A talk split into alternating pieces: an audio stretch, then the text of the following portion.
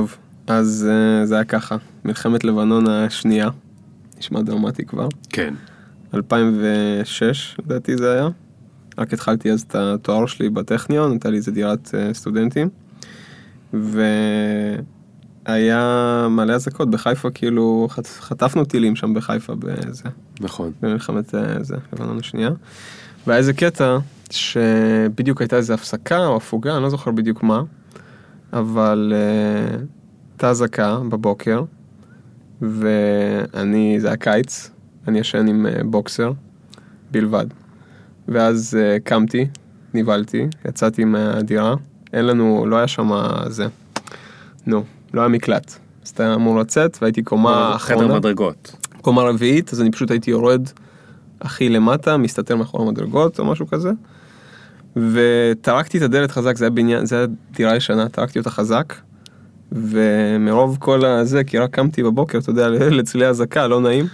אז טרקתי אותה חזק והיא פשוט נסגרה ואני יצאתי בלי המפתח. אה. Fuck. אז אני יצאתי והייתי עם הבוקסר, ואז אף אחד לא היה אגב, זה הייתי רק אני בבניין, והייתי רק אני ככה מחכה כמו איזה דביל, חשבתי אולי זה תרגיל או משהו, אולי אני לא הבנתי מה זה, ואז אני חוזר לעלות, ופותח את הדלת ולא נפתחת. פותח חזק, וחזק וחזק, ומושך ולא נפתחת. אה, ואז אמרתי, טוב, fuck, אני תקוע פה עכשיו עם בוקסר. מה מה עשית? אז פשוט הלכתי, ישבתי קצת למטה, ולא היה אף אחד כאילו בבניין. איפה היו ממש- כולם? לא יודע איפה היו מה כולם. זה היה, יום כיפור? זה היה כנראה, קודם כל זה היה שעה די מאוחרת בבוקר, זה היה איזשהו עשר בבוקר. זה התחלה של איזה סרט אה, עתידני כזה שאין אין את כולם. כאילו, איפה כן. כולם? החייזרים לקחו אותם? מי לקח אותם? כן, אני לא הבנתי מה קורה, חשבתי זה איזה פרנק שמישהו עושה. ו... ואז פשוט ישבתי כמה דקות בחוץ, אמרתי, טוב, מה קורה עם החיים שלי? ואז הלכתי, התחלתי לדפוק בדלתות של אנשים, מתוך כוונה, אתה יודע, אולי לקבל איזה בגד, אולי, אולי להתקשר למישהו, לא ידעתי אפילו מה אני גם עושה. קפה היית צריך כי רק קמת בבוקר. הייתי צריך איזה משהו, כן, הייתי צריך עזרה כלשהי. אז פשוט הלכתי ודפקתי בדלתות ואף אחד לא ענה.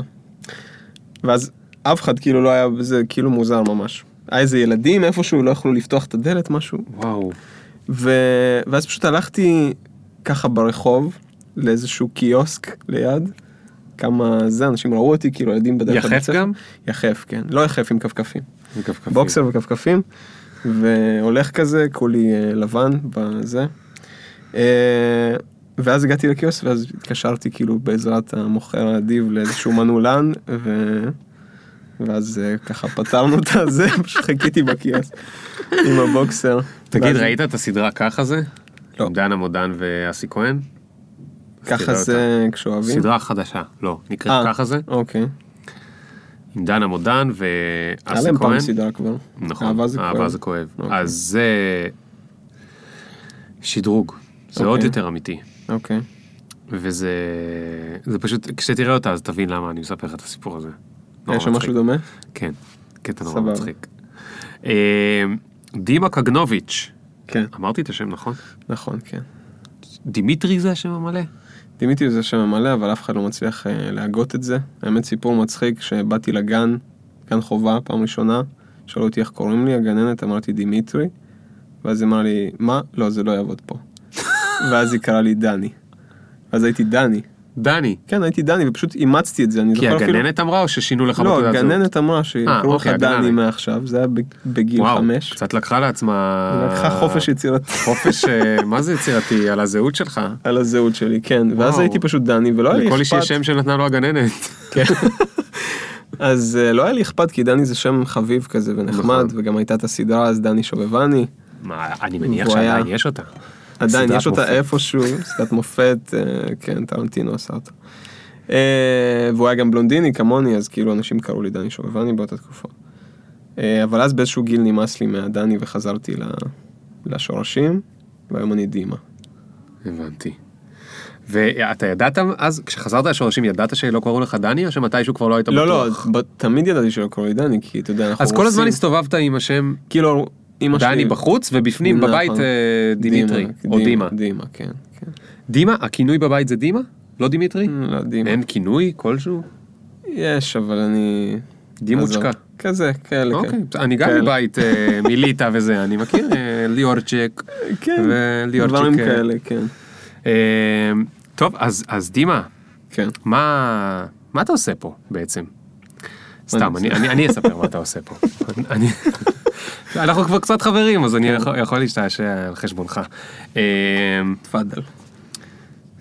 תשמע, יש לנו, יש לנו אה, עבר משותף, זאת אומרת, לא עבר משותף, אלא דברים שקרו בעברנו, הם אה, קצת מזכירים אחד את השני, נכון? גם אתה היית עתודאי, מהטכניון, בעוונותיי. בעוונותיך, ואתה החלטת, אבל הרבה שנים לפני שאני החלטתי, אה, זאת אומרת, בתוך הטיימליין של הקריירה, שוואלה לא בא לך לעשות בדיוק את מה שלמדת אה, באוניברסיטה, ובנית לעצמך איזושהי פלטפורמה קטנה שקוראים לה יזמניק, נכון? נכון. אה, אני מניח שהרבה מהמאזינים מכירים אותה, או כי הגיעו אליי דרכך, או כי הם הגיעו אליך דרכי, או כי זה פשוט אותם מאזינים שעלולים אה, להימשך לשתי ה... ה- שני הדברים שלנו באותה מידה. ושם אתה רצית, איך זה נקרא? לעזור לעסקים אה, לשווק את עצמם. לשווק טוב. את עצמם. טוב, זאת אבל אומרת זה לא, לא זה לא. כל כך מעניין אותי. מה שעניין אותי, כן. זה שאחד, היה לך ניוזלטר ממש טוב, שתיים, ידעת אה, לכתוב פוסטים שהגיעו אה, למקום מאוד טוב בגוגל. זה כן. עניין, עניין אותי ועצבן אותי בו זמנית. למה זה אה, עצבן אותך? כי אני לא אוהב אחרים. שגם יודעים לעשות את זה. אוקיי. אה, ואז גם מתישהו התחברנו, אני לא זוכר בעקבות מה, ודיברנו וגילינו שיש לנו את אותם שורשים, אותם מקורות, אותם אה, אה, נגזרות מכל מיני מקומות אחרים. ואני חושב שאז אתה, אה, אני חושב שאתה פנית אליי כדי להקליט אותי לפודקאסט שלך. נכון, נכון, זה היה פעם ולך. היה פודקאסט שנקרא יזמניק, הוא עדיין בחיים? לא. אה, לא גנזתי אותו, האמת. לא גנזת לא, או... לא, פסיק, גנזתי גנזתי אותו, אוקיי. וראיינת אותי אה, מהחדר שלך עם הלפטופ ואני הייתי במשרד שלי או בחדר שלי כן. ואלוהים יודע על ופחות מה. דיברנו. כן, מה דיברנו על- דיברנו? דיברנו על כתיבה. על כתיבה. כתיבה דיגיטלית. באותו זמן. רק התחלת נראה לי עם הבלוג שלך, ו... כן, אתה די, די. מוקדם אה, אה, זיהית שם משהו שהסתדרת איתו, כן. ומאז אתה נהיית מפלצת קטנה, אה, אתה בטח תכחיש, אבל לא אכפת לי, ואתה כותב אה, כל מיני בוטים, ואז אתה כותב קורסים איך לבנות בוטים, ואתה כותב אה, אה, בלוגים, ואתה כותב קורסים איך לבנות בלוגים, ותוך כדי שעשית כל מיני דברים עם כל מיני עסקים, אתה גם מלמד את הציבור הרחב אה, איך לעשות את הדברים. עד כאן סיפור סטנדרטי. מה שלא סטנדרטי זה שאני מאוד אוהב את הצורה שבה אתה מתבטא וכותב ומלמד, אחרת לא הייתי מזמין אותך. כי אני יכול לספר לך שיש עוד אה, לפחות 20 איש שאני מכיר, שכתבו לי שעושים כל מיני קורסי אונליין או כל מיני דברים כאלה ולא הגיעו שיווק. לשבת פה. אנשי אה, שיווק. אנשי שיווק, אנשי שיווק עצמי, שיווק. שלא הגיעו לפה כי אה, לא התחברתי לדרך שבה הם אה, עושים את הדברים, הם היו או שרלטנים או משתמשים בכל מיני NLPs כאלה, כן, או אה, כותבים בשורה אחת עם שני רווחים חמשירים. ואז עוד שורה ואז שני רווחים חמשירים, או מוכרים שקרים, או מוכרים בולשיט, או דווקא עושים קורס סבבה אבל בעצמם הם לא עשו את הדבר מעולם ולכן אין סיבה להאמין להם כי אין להם ניסיון. כל מיני דברים שעצבנו אותי. ולכן, אתה מבין מה אני מנסה להגיד לך? זה לא שאני אוהב אותך דימה כמו שאני לא אוהב אותם. סבבה. סתם, אני צוחק, אני צוחק. זה. נורא כיף לראות מישהו הוגן בסביבה הזאת. של השיווק. של ה... אינטרנט. שיווק. של האינטרנט השיווקי, או לא יודע. כן. אתה יודע, בוא, לא נתן, כבר תכף עשר דקות ואני רק מדבר עליך הלל. אה, אוקיי. נראה לי שאפשר לסיים את הפודקאסט פה. סתם, אבל בוא נדחוף את המוזיקה, בסדר? יאללה. Yeah. Boop, boop, boop, boop. One time. Look. Ring the alarm. Hot ass nigga. Big ass head so my dreams get bigger. Make campaign strong so my flows get sicker. Confidence bigger than a drunk ass nigga. Look, I'm a work. מה קורה דימה? מעולה. איך. הולך? וואלה, מצוין. בוא'נה, אתה זוכר שפעם. כמעט הקמנו משהו באינטרנט? פעם כמעט ביחד? הקמנו כמה דברים. נכון, אבל היה דבר אחד ממש מגניב, שקשור למה שדיברתי לפני המוזיקה. מה שמה ש... מה שמה ש... אתה רוצה לספר אה, מה זה היה? מה שמה ש... אה, היה איזשהו רעיון שלנו להקים אה, קבוצה או תנועה או משהו כזה, שלא בדיוק, סג... לא בדיוק היינו סגורים מה זה יהיה, אבל אה, לתת איזשהו תו תקן לאנשים באינטרנט, קשה מאוד היום שמישהו, יש המון אנשים שכותבים באינטרנט ועושים כל מיני קורסים ומלמדים כל מיני דברים, ולוקחים על זה המון כסף גם, וקשה קשה לדעת לבן אדם מהשורה האם הדבר הזה הוא טוב, האם הבן אדם הזה באמת יש לו קבלות מאחוריו, האם הוא באמת יודע להעביר מה שהוא עושה, או שפשוט הוא ניצל את הגל הזה של. גם אני עושה קורס ואני מלמד משהו ותשלמו לי כסף. כן. אז רצינו להקים כזה אה, מקום שפשוט יאגד את האנשים, ה... את ה-good guys. כן, את האנשים- ההוגנים. את ההוגנים, אה, אחרי שהם נבדקו בצורה כלשהי. ובאמת זה עדיין נשמע לי רעיון טוב. הרעיון הוא עדיין טוב, פשוט לא אין לנו זמן אה, להתעסק כן, איתו, אולי כן. לך יש? אולי. אולי, טוב, אז אם מישהו שומע אותנו, אני מניח שאתה תקבל איזה 30 אימיילים, אה, ורוצה לעבוד על מה שמה ש... אה, אגב, מה שמה שזה היה... זה מ- מה שרואים וזה מה שמקבלים, זה היה כן. הקטע של... What you see is what you get, What you see. מ- מהסלנג האמריקאי. כן. אה, או מהאדיטור של וויקס, אם אתה... כן. אם אתה... למרות שאני נגד וויקס פה בזה. אה, גם אני, אז סליחה, אנחנו לא יכולים לדבר על זה, כי שנינו נגד אה, וויקס, ואנחנו עוד מעט נתחנן לחבר'ה מוויקס שיבואו, שנבוא לראיין אותם, אבל כן. בכל אופן, what you see is what you get, מה שרואים זה מה שיש, ולא כל מיני שרלטנים, אז חבר'ה, אנחנו קוראים לכם, אם אתם שרלטנים, תפסיקו. כן. תגיד, מה עושה אותך ללא שרלטן? מה עושה אותי לא שרלטן? יוצא, אתה מרגיש לפעמים חושב ש- שרלטן? או, ש... או יש לך לפעמים רגשות, הרי אחת הבעיות ב- בכל הדבר הזה של אה, למכור דברים באינטרנט זה שפתאום אתה אומר כזה, אוי רגע מה, לפעמים אה, זה קורה, וזה יישמע קצת פלצני, שדברים קורים אה, בקלות, למרות שאתה יודע, עבדתי המון המון זמן וקשה, אבל שדברים לפעמים קורים בקלות, שאתה נגיד אה, מתעורר בבוקר ואתה רואה שמכרת כמה דברים באינטרנט בלי שדיברת עם אנשים אה, ושכנעת אותם, אז זה מרגיש לך כזה סופר אה, מוזר בהתחלה, וגם מרגיש לך כאילו רימית משהו, כאילו, כאילו עשית איזשהו האק במערכת, ו... וזה מוזר התחושה הזאת בהתחלה. אה, ואז אה, נכנס, נכנס הרגע של לשכנע עצמך, לא, לא, זה בסדר, אתה עבדת קשה, זה מגיע לך, אנשים ראו את זה והם קנו את זה בגלל זה. אה, אבל כן, יש לפעמים תחושות כאלה של כאילו, אני לא בטוח שזה היה צריך להיות ככה, זה כאילו מרגיש שזה היה צריך להיות יותר קשה. מזה. ומה משתיק את הקולות האלה? אני חושב שאני, אני חושב שאני פשוט מדבר עם המון אנשים. אה, זה לא כזה, אני לא כל כך טוב עם הזמן שלי לדעתי כמוך, או כמו הרבה אנשים אחרים, כמו יזמים אחרים. אני אוהב לדבר המון עם לקוחות, עם אנשים, כדי להבין מה מניע אותם, למה הם עושים את מה שהם עושים, למה הם קונים את מה שהם קונים. ואני גם עוזר מאוד, אני כאילו מאוד אה, זמין, אולי אפילו יותר מדי זמין. כן, שמעתם? ת... בבקשה, תנצלו אותו. כן, אה, רק לאחרונה התחלתי כזה לסנן אנשים במסנג'ר, לא לענות לכל אחד, אבל בדרך כלל סתם אנשים שולחים לי, אנשים שאני לא מכיר, שולחים לי הודעות במסנג'ר, במייל, יש אנשים שאפילו מתקשרים אליי כי הטלפון שלי של ה... זה מופיע בגוגל, באתר שלי כאילו, אה, ואני כאילו אומר להם, כאילו, אני נכנס איתם לשיחות. כן. נכנס איתם לשיחות, קשה לי מאוד אה, להגיד למישהו לא, אה, וזה מה שלדעתי משכנע אותי חזרה שאני לא שרלטן. כי מה? כי מה הם אומרים לך? אומרים לי תודה. זאת אומרת, כן. בכל אינטראקציה כזאת, אני מנסה כן. לעזור איכשהו. אני מנסה לעזור איכשהו. הבנתי, זאת אומרת, אחד זה שיש פידבק, אז אתה אומר, אוקיי, הבן אדם אומר שזה באמת עזר לו, ושתיים, אתה עוזר לו אקסטרה על מה שהוא עשה קודם. כן. אני פשוט למדתי שיש לי דרכים שונות אה, לעזור. אני יכול לעזור למישהו בעצה שהיא ממש קטנה, שפשוט תשלח אותו לאיזשהו כיוון והוא יצטרך לפתח את זה בעצמו, או שאני יכול לעזור למישהו בצורה קצת יותר גדולה ואולי למכור לו משהו, או שהוא ייעזר בשירותים שלי במשהו, אה, שזה יותר גדול, או שהוא יקנה משהו יותר אה, רציני, כמו את הזמן שלי וממש שאני אלווה אותו במשהו. כן. אה, ולמדתי שצריך להפריד בין כל הדברים האלה, בין כל הסוגי אה, עזרה הזאת, כי מבחינתי עזרה זה עזרה זה עזרה, זה כאילו קשה להפריד מה, מה אתה, איך אתה עוזר למישהו וכמה אתה מוכן לשחרר לו כן. את הזמן שלך. אבל זה מדהים, אתה יודע שכל הרגשות אשמה או הרגשות... אה, אני חושב שזה גם הרבה קשור לכסף, כל העניין הזה. כן, זה קשור לחלוטין לכסף.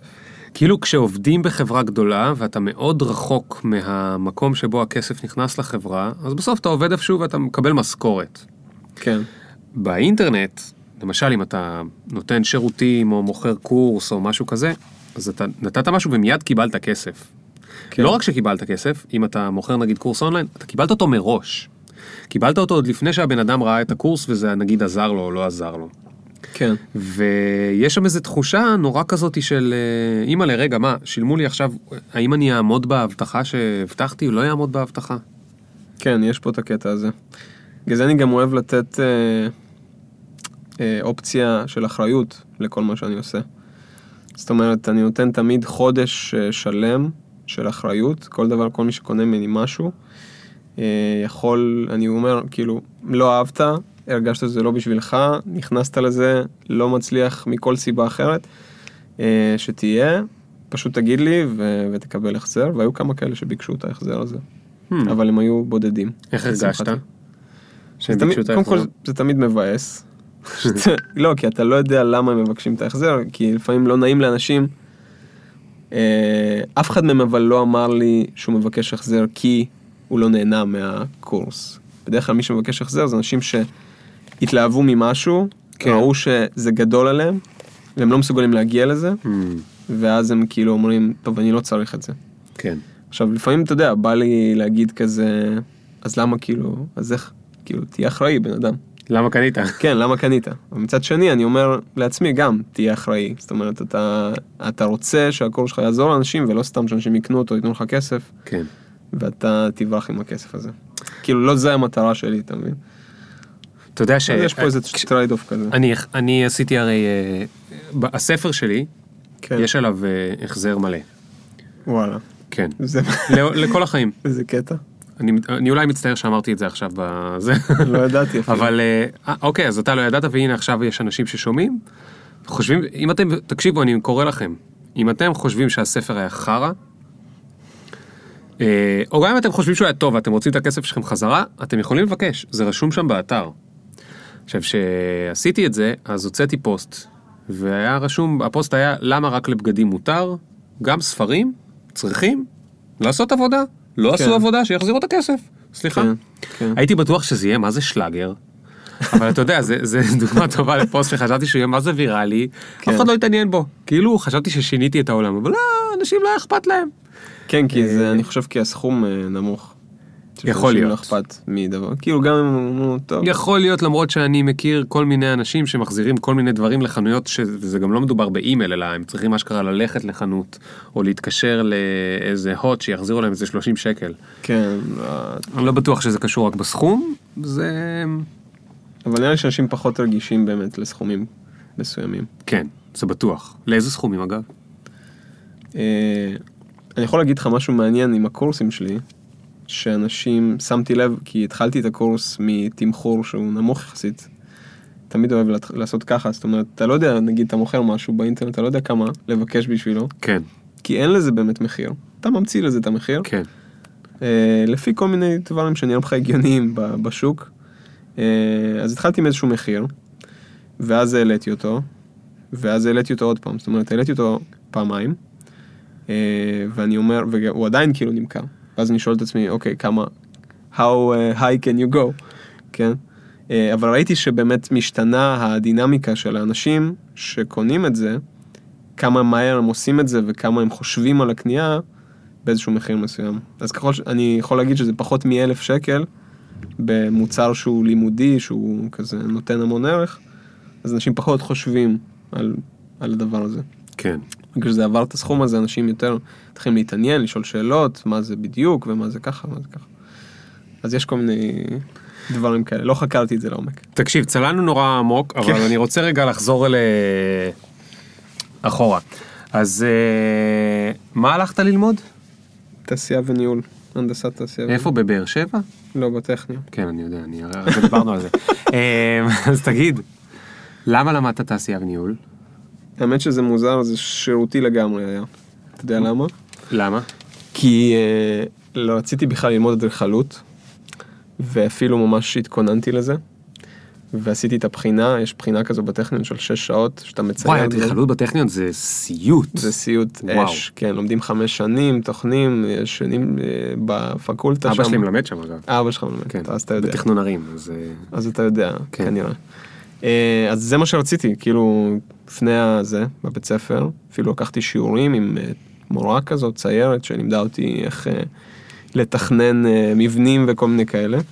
והייתי די טוב בזה, לא מצוין, אבל די טוב. ועברתי את הבחינה, קיבלתי איזה 70. שזה היה רגע, כאילו- אבל בתור עתודאי? כן, בתור עתודאי. רצית להיות עתודאי באדריכלות, יש דבר לא, כזה? אז אתה מבין, אז כאילו קיבלתי את הבחירה של העתודה, מה אתה רוצה ללמוד, ואתה חייב לבחור שני דברים. אז בחרתי אדריכלות, כי זה מה שרציתי, ואז הייתי צריך לבחור עוד משהו, ולא ידעתי מה לבחור, אז פשוט בחרתי תעשייה וניהול.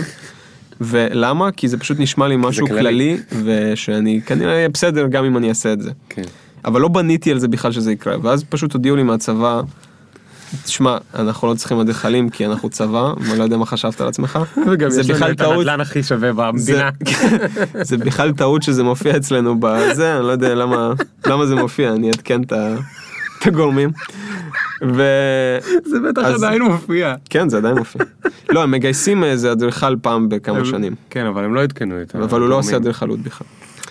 אה, אז אמרו לי, טוב, אז תעשייה וניהול. ואז פשוט אה, באתי והתחלתי ללמוד, והודעתי למורה שלי, המורה שלי אגב לאדריכלות, ממש כאילו בנתה על זה שאני אלמד אדריכלות, ואז הודעתי לה, והיא פשוט כאילו אמרה, מה, לא, אתה יכול לערער, אתה זה, אתה, לך תעשה עוד פעם ו- ותבקש, ו... תגיד, ואז איך אמרתי איך לה, בן אדם ב- "תשמעי, ב- בן 18 יודע שהוא רוצה ללמוד אדריכלות? הוא לא יודע, אבל זה מה שהיה. לא יודע, תשמע, היו מלא אופציות. רגע, מה מה בתיכון וזה, כאילו, מה מה עשית? תיכון למדתי מחשבים, כן. ולמדתי אומנות. שזה היה בשבילי Mm. איזשהו שילוב מעניין כזה של אה, אה, יצירתיות מול, אה, כן, זה נשמע שילוב מעניין. מול אנליטיות, כן. האמת שאני גם, אני כאילו גם עכשיו, כל דבר שאני עושה, אני מנסה לשלב את שני הדברים האלה. ואדריכלות בא לי גם טוב בשני הדברים האלה, כי אדריכלות זה גם משהו טכני מאוד כזה, הנדסי. אתה צריך לתכנן דברים שיהיו, אתה יודע, שיראו... שהבית לא ייפול, שהבית לא ייפול. למשל, או הגשר. כן, וזה גם יצירתי, כאילו יש לך פה מקום ליצור דברים מאפס ואתה מחליט איך הם יראו, אז מאוד התחברתי לקטע הזה.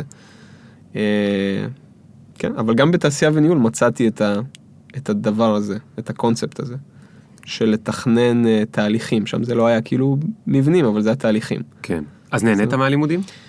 אה, נהניתי, לא ממש מהלימודים עצמם, כמו שמהתקופה של הלימודים נראה לי. כן. טוב, זה היה כיף להיות סטודנט. כיף להיות סטודנט, אתה גם ממש צעיר, תחשוב, ב- ב- מתחיל ב-18, ו... וכאילו אתה מתלהב על כל החבר'ה, החיילים שסביבך, שכאילו עושים עכשיו צבא, טוחנים, ואתה כזה קם מתי שבא לך. ו... אבל הם אומרים לך שלך יהיה שש שנים. אבל הם אומרים לך כן, אז, אז זה כאילו, אתה, אתה מדחיק את זה, ואז, ואז כשאתה נכנס לצבא בגיל 22, והם כבר מזמן באיזשהו טיול אה, תקועים איפשהו, אז זה, זה מתחיל להיות הפוך, הם צוחקים עליך. כן. ואז, ואז אתה קולט אה, לאן נכנסת באמת. למקום שאין לך כל כך... אה, איך לצאת ש- ממנו. כן, אין לך כל כך איך לצאת ממנו, ואתה שש שנים אה, במסלול, במסלול כן. קבוע ו- וידוע, וזה קשה, זה היה מאוד קשה. והיית מבואס או לא מבואס בצבא? שמע, זה קשה שש שנים להיות מבואס, אז אני לא אגיד שהייתי מבואס שש שנים, היו איתי אנשים שהיו כל השש שנים היו מבואסים. אה, אבל הייתי מבואס לתקופות, והייתי מחפש דברים שפחות יבאסו אותי מחוץ לזה. מה למשל? אה, בהתחלה חשבתי שאני פשוט, כאילו זה לא מגרה אותי מספיק אה, מוחית, מה שאני עושה, אז פשוט התחלתי לעשות תואר נוסף במחשבים. אה, ואז אמרתי, כאילו כמעט סיימתי את התואר הזה, ואז הסתכלתי על עצמי והיה איזה תרגיל ממש קשה כזה של לבנות איזה compiler, משהו מוזר, ואז עשיתי, סיימתי את זה, וזה כאילו עבדתי עד הבוקר ואמרתי, fuck, אני בחיים לא רוצה לעשות את זה יותר. ואז אמרתי, טוב, זה לא, זה לא הקטע שלי, ואז אמרתי, טוב, fuck אפילו נשארו לי חמישה קורסים, ואמרתי, לא, אני לא מסיים את התואר הזה, ביי. אה, אז אמרתי, טוב, אני מחפש עוד דברים. וחיפשתי, עשיתי מלא דברים כאילו תחביבים, איזה ספורט, זה היה רגיל. אבל איכשהו במהלך הזה גיליתי איזשהו עולם כזה, תוך כדי שאני מחפש מלא דברים, גיליתי איזשהו עולם כזה של אה, בלוגים, שזה אנשים שנראה לי שהם, כאילו אז זה היה נראה לי ממש מדהים, שאנשים כותבים על כל מיני נושאים, ואיכשהו מתפרנסים מזה. זאת אומרת, לא מהכתיבה עצמה, אבל איכשהו מכל העולם הזה שנוצר סביב זה שהם בנו לעצמם קהילה. מי, אתה זוכר מי היו הראשונים שהתלהבת מהם? כן, היה אחד שעדיין אני מתלהב ממנו, קוראים לו פט פלין, סמארט פסיב אינקאם, והיה את נוח קייגן. ו... זה שעבד בפייסבוק ועשה. קריירה מזה שהוא לא נהיה בפייסבוק. כן, עשה- הפוסט הכי מצליח שלו אי פעם זה How I did not become a millionaire כן. בפייסבוק. כן, לא, אבל הוא בחור ממש אה, מוצלח. פגשת אותו כשהוא היה. בארץ? פגשתי אותו, אה, כן. יופי. איך הוא בחיים האמיתיים? סופר חמוד, וואלה? כן. לא douche כמו שהוא נראה? ממש לא douche. נו, אז תגיד ההפך. שיש לו בעיה ב branding. יש לו? טוב. לדעתי. אני חושב שהוא סבבה, כן. אז קיצור, היו כל מיני כאלה אנשים שהם כותבים, וזה היה בעיקר על תחומים של אה, אה, עסקים ושיווק ויזמות וכל מיני דברים כאלה. ולא, הייתי ממש רחוק מהדברים האלה, כי לא היה לי עסק בחיים ואין לי אף אחד עם עסק במשפחה, וזה לא היה בכלל הקטע שלי, וגם מכירות זה משהו שתמיד שנאתי. אבל איפשהו בעולם הזה של הכתיבה, ראיתי, גיליתי משהו חדש כזה, שאנשים כותבים, ו- ואנשים אוהבים אותם על זה, הם כאילו נותנים איזשהם תובנות חדשות לחיים, ואיכשהו בונים לעצמם קהילה ו- ומתקיימים מזה. אז אמרתי, וואלה, בא לי לנסות גם משהו כזה. ולא היה לי מושג מה בדיוק אני עושה, אבל פתחתי איזשהו בלוג, קראתי לו, קניתי דומיין, קראתי לו יזמניק. המטרה שלי, איך- איך בחרת ביזמניק? המ- המטרה שלי הייתה אה, ללמוד יזמות דרך הבלוג הזה. שימו לב שהמטרה שלי הייתה ללמוד, זאת אומרת לא פתחתי כדי לעשות את מה שהם עושים, כן. כן. אמרתי אני רוצה ללמוד, קראתי איזה ציטוט של מישהו שאתה גם אוהב אבל שכחתי איך קוראים לו, אה, מעצב כזה שעשה מלא אפליקציות וגם בנה לעצמו זה, איך קוראים לו? אה, יש כמה. אתה מדבר על הגרמני? לא, אמריקאי, אה, תכף אני אגיד לך. טוב. קיצור, אז הוא כתב, אנדרו וויל- ווילקינסון? לא לא לא, זה מ Designer Hunt? לא. Designer News? לא. מישהו שעשה סטארט-אפ על אה, אימייל כזה, טוב, תכף נדבר לא. משנה. קיצור, אה, אז קראתי איזשהו ציטוט שממש התחברתי אליו, שאמר אה, שבלוגים אתה לא חייב לכתוב כשאתה כבר מומחה למשהו, אתה יכול לעשות משהו שנקרא ללמוד בקול רם, שזה אומר learning out loud. ואז זה אומר כאילו תכתוב דברים ותלמד תוך כדי שאתה כותב אותם. זאת אומרת תתנסה משהו, תעשה, תכתוב על זה, ותפנים את זה וגם תשתף את זה עם אחרים. ומאוד התחברתי לקונספט הזה. זה נראה לי ממש כאילו מדהים שאפשר לעשות דבר כזה. ובאותה תקופה בעברית אה, לא ראיתי המון אנשים שעושים את זה אה, ככה בצורה טובה ומקצועית, כי אני כל המקורות שלי הלכתי לאנגלית.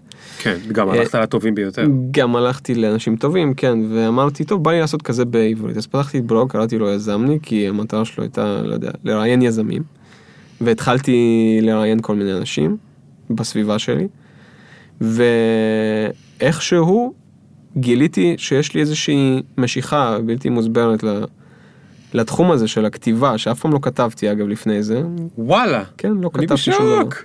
לא. אני בשוק. כן, לא כתבתי שום דבר. כתבתי אפיונים, שזה, אתה יודע, מסמכי אפיון לתוכנה, שזה מה שעשיתי בצבא. אבל משם לקחתי גם משהו. זאת אומרת, גם בכתיבה שלי היום אני לקחתי משהו מאוד כזה אה, מבני וטכני ו... ודבר כזה. אז גיליתי שאני מאוד אוהב לשתף אנשים בדברים שאני לומד, שזה גם משהו שלא עשיתי אף פעם. כאילו, אף פעם לא שמתי את עצמי ככה על כן, במה ואמרתי, הנה, זה אני עשיתי, כן. למדתי משהו, הנה, קחו את זה.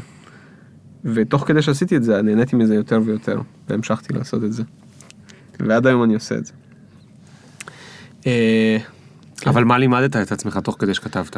אז מה לימדתי את עצמי? אז קודם כל לימדתי את עצמי כל מיני שיעורים ב- ביזמות, באותה תקופה עוד הייתי בצבא, ואמרתי, טוב, בא לי כאילו לעשות משהו שהוא לא זה, אני מחפש לי איזשהו עיסוק, אני לא יודע מה, מה אני הולך לעשות, כי זה בטוח אני לא הולך לעסוק במה שאני עושה, שזה היה מאפיין מערכות מידע. אה, וגם הייתה לי מאוד, היה לי מאוד רצון גדול להיות עצמאי. אה, למה? כי איכשהו הצבא וכל התקופה הזאת של, אה, שאומרים לך מה לעשות, ואתה מאוד במסגרת כזאת, ואתה לא יכול כל כך להביע את עצמך בצורה סופר... אה, אני יודע שזה תלוי מקום גם, אבל עדיין, אני הרגשתי מאוד כזה בתוך, בתוך מסגרת, או צנצנת אפילו. רציתי מאוד להביע את היצירתיות שלי ולעשות מה שבא לי, ושאף אחד לא יגיד לי מה לעשות. אז חיפשתי משהו, חיפשתי כל מיני תחומים, ו- ו- ותוך כדי הכתיבה וזה, פתאום גיליתי גם את עולם השיווק. למה? כי כשאתה כותב משהו, אתה רוצה שאנשים יקראו אותו, נכון? נכון. ואז מה אתה עושה? אתה צריך ללמוד איך להפיץ אותו. זהו, אתה צריך ללמוד איך להפיץ אותו. למצוא ו- את הקהל. אתה- ואיך אתה מפיץ דברים, אתה משווק, פתאום אתה נהיה, הופך למשווק. וגיליתי שזה לא סתם מספיק לקחת משהו שכתבת ולתקוע את הלינק באיזושהי קבוצת פייסבוק ושאנשים יבואו, כי אף אחד לא בא. אתה צריך למצוא את הקבוצות הנכונות, אתה צריך לדעת איך לדבר, איך לכתוב. אתה צריך שאנשים יחבבו אותך באינטרנט, זה basically, זה שיווק, כן? אתה צריך שאנשים יחבבו את מה שאתה עושה באינטרנט ו... ו... וייכנסו ויתלהבו מהדברים שאתה עושה. אה, אז זה הכריח אותי סוג של ללמוד שיווק, ואז גיליתי עוד עולם של, אוקיי, אנשים נכנסים לאתר שלי, ואני יודע כמה הם נכנסים, אבל אני רוצה שייכנסו יותר, ואני רוצה שגם אנשים שיחפשו דברים יכ- ייכנסו לאתר שלי. וזה מה שאמרת מקודם על גוגל, שגילית שאני, זה, מופיע בגוגל בכל מיני מקומות, וזה נקרא SEO. SEO, זאת אומרת איך לעשות משהו בכל מיני מניפולציות על התוכן שאתה כותב באתר, כדי שזה יתברר גבוה בחיפוש. ואז למדתי גם את זה, לימדתי את עצמי את זה, והתלהבתי גם מזה שהצלחתי, כאילו הצלחתי בכל מיני כתבות, כנראה פשוט כי באותה תקופה אף אחד לא כתב בצורה כזאת אה, מעמיקה על שום דבר מהנושאים שאני כתבתי. כתבו, אה. כתבו, אתה פשוט כתבת עוד יותר מעמיק. אז כן, אז כתבתי יותר מעמיק. ו... אגב, ש- ש- כן. שאתה יודע, זה זה לא מצטייר פה מהסיפור, אבל נראה לי שזה אחד הדברים שצריך, לצ... חשוב לציין, אה, שהיה ניכר בהרבה מהפוסטים שלך, אלה שבאמת התברגו מאוד גבוה בגוגל, שאתה פשוט השקעת בהם, אלוהים יודע כמה זמן. כן, זה באמת אלוהים יודע כמה זמן. זאת אומרת, הם היו מאוד מאוד מאוד מושקעים. זה לא כן. שיש איזה, שלא פה מישהו יחשוב שיש איזה טריק של גוגל שאתה מוצא איזה כוכב אדום, ואם אתה שם את הכוכב אדום אז פתאום זה קופץ למעלה.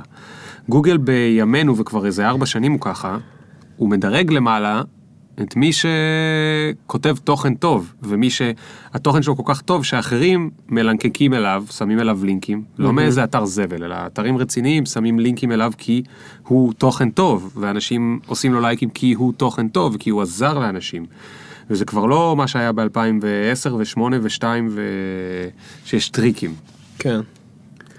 אז כן, אז עשיתי את זה. וככה נפתחה לי בעצם הצ'קרה הזאת של השיווק, של שיווק בדיגיטל. זה משהו שלא היה בכלל שלמדתי, שעשיתי את התואר, לא ידעתי שיש כזה מקצוע שקיים, כי זה גם לא היה כזה מפותח באותה תקופה. ואז הגיע גם פייסבוק, ואנשים היו מפרסמים בפייסבוק, זה גם נהיה קטע כזה לפרסם בפייסבוק, איך לעשות שאנשים ייכנסו, אתה משלם כסף הרי על מודעה. כן. איך לעשות שהכסף הזה יחזיר את עצמו, על ידי זה שאנשים באים, קונים ממך איזה משהו. וככה נפתח לי התיאבון הזה ולמדתי עוד ועוד ועוד, ועדיין הייתי בצבא, ואני זוכר שבאותה תקופה כבר אנשים התחילו לפנות אליי דרך הבלוג, אה, מכל מיני, כל מיני דברים ובקשות של אה, בוא, בוא, אני אוהב את מה שאתה עושה, בוא תעשה לי גם כזה. כי יש כזה להם לאתר. עסק, כי יש להם עסק, לא כן. כי שיאמם להם בחיים. נכון. אוקיי. ואני עוד, אז עוד לא הבנתי אפילו שאני רוצה לעשות את זה, זאת אומרת לעזור ככה לעסקים. אבל, אבל הבנתי כאילו, הנה, יש אנשים שצריכים אותך, כאילו, הם- אתה צריך לעזור להם, כנראה. כי הם רוצים שהעסק שלהם יופיע למעלה בגוגל. כן, הם רוצים גם את זה, הם רוצים כל מיני דברים, רוצים אתרים, רוצים דפי נחיתה, רוצים... יש המון דברים בתוך העולם הזה של השיווק הדיגיטלי. אה, חלק רצו סתם ייעוץ, להבין בכלל מה הם צריכים לעשות, לבנות איזושהי אסטרטגיה. אה, וככה נכנסתי לזה, רגע, כן. זה לא בדיוק ככה נכנסת. אוקיי. כי בפעם הראשונה שמישהו רצה לשלם לך, לא יכולתי לקבל את זה. אה, לא על זה רציתי אוקיי. לדבר, אבל לא יכולת לקבל כסף, אוקיי. כן. אז זה- אני קורא לצבא ההגנה לישראל להכניס את דימה לכלא, אבל לא על זה אני מדבר.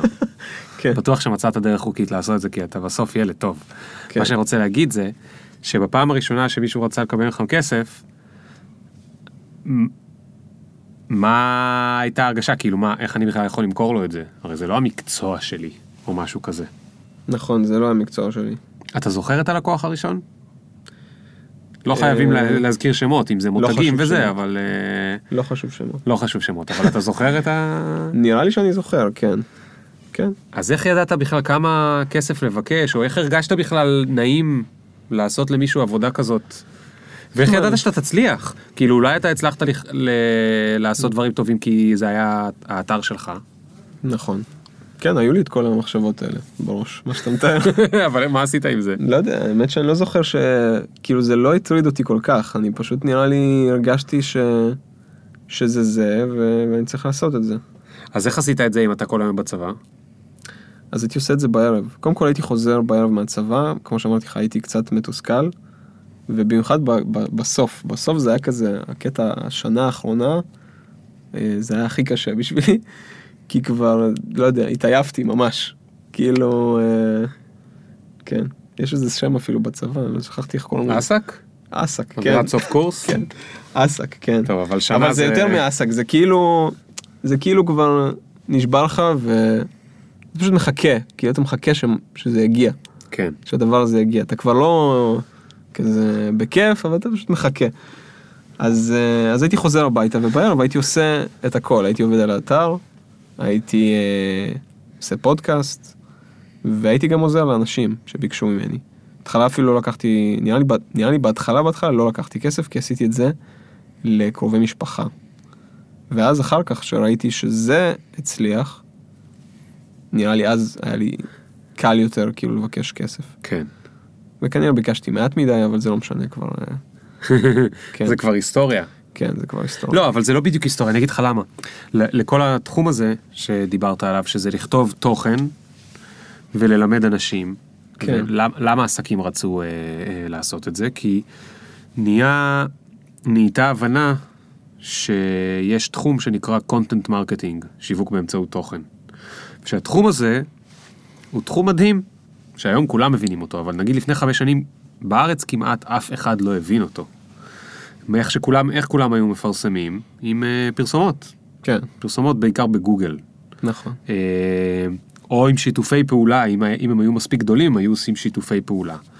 ועסקים קטנים שנכנסו לאינטרנט פשוט היו תקועים, הם היו צריכים אה, אה, להבין מה לעשות.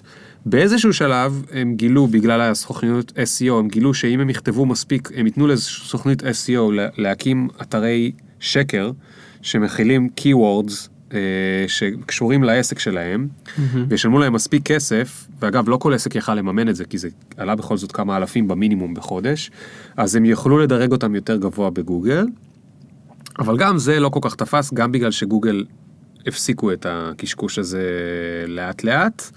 אה, לא לחלוטין, אבל הם הפחיתו אותו, ב... פגעו בו בצורה גדולה, כי זה היה אה, תוכן לא אמיתי, וגוגל רוצים תוכן אמיתי. ו... וגם, בעצם, שיווק באמצעות תוכן, זה משהו שהוא סוג של ווין ווין, נכון? הרי, כן, מה קורה שם? המטרה, היא בעצם, איך, איך אני רואה את זה כשאני עושה שיווק, זה קודם כל לתת משהו לקהל שלך. זאת אומרת, קודם כל לתת לו איזשהו ערך לפני שאתה מבקש את הערך בחזרה. אה, רוב האנשים באמת, גם היום, אמרת לפני חמש שנים, גם היום רוב העסקים מבקשים ישר, מבקשים, אה, מנסים לסגור מוקדם מדי, אוקיי? זה כמו... מה זה לסגור? לסגור עסקה? לסגור, כן, לסגור עסקה. אם להגביל את זה, כן, לעולם ה dating, אז פשוט לבוא למישהי סתם ברחוב ולהגיד לה בואי אה, זה, תביא את המספר שלך, בלי לדבר איתה אפילו. אה, זאת אומרת, לא, לא, זה להגיד לה בואי נתחתן. זה אפילו זה אפילו, כן, בואי נתחתן, אבל גם, גם לבקש את המספר זה נראה, זה מוזר, נכון? סתם לבוא למישהי. כן. כן.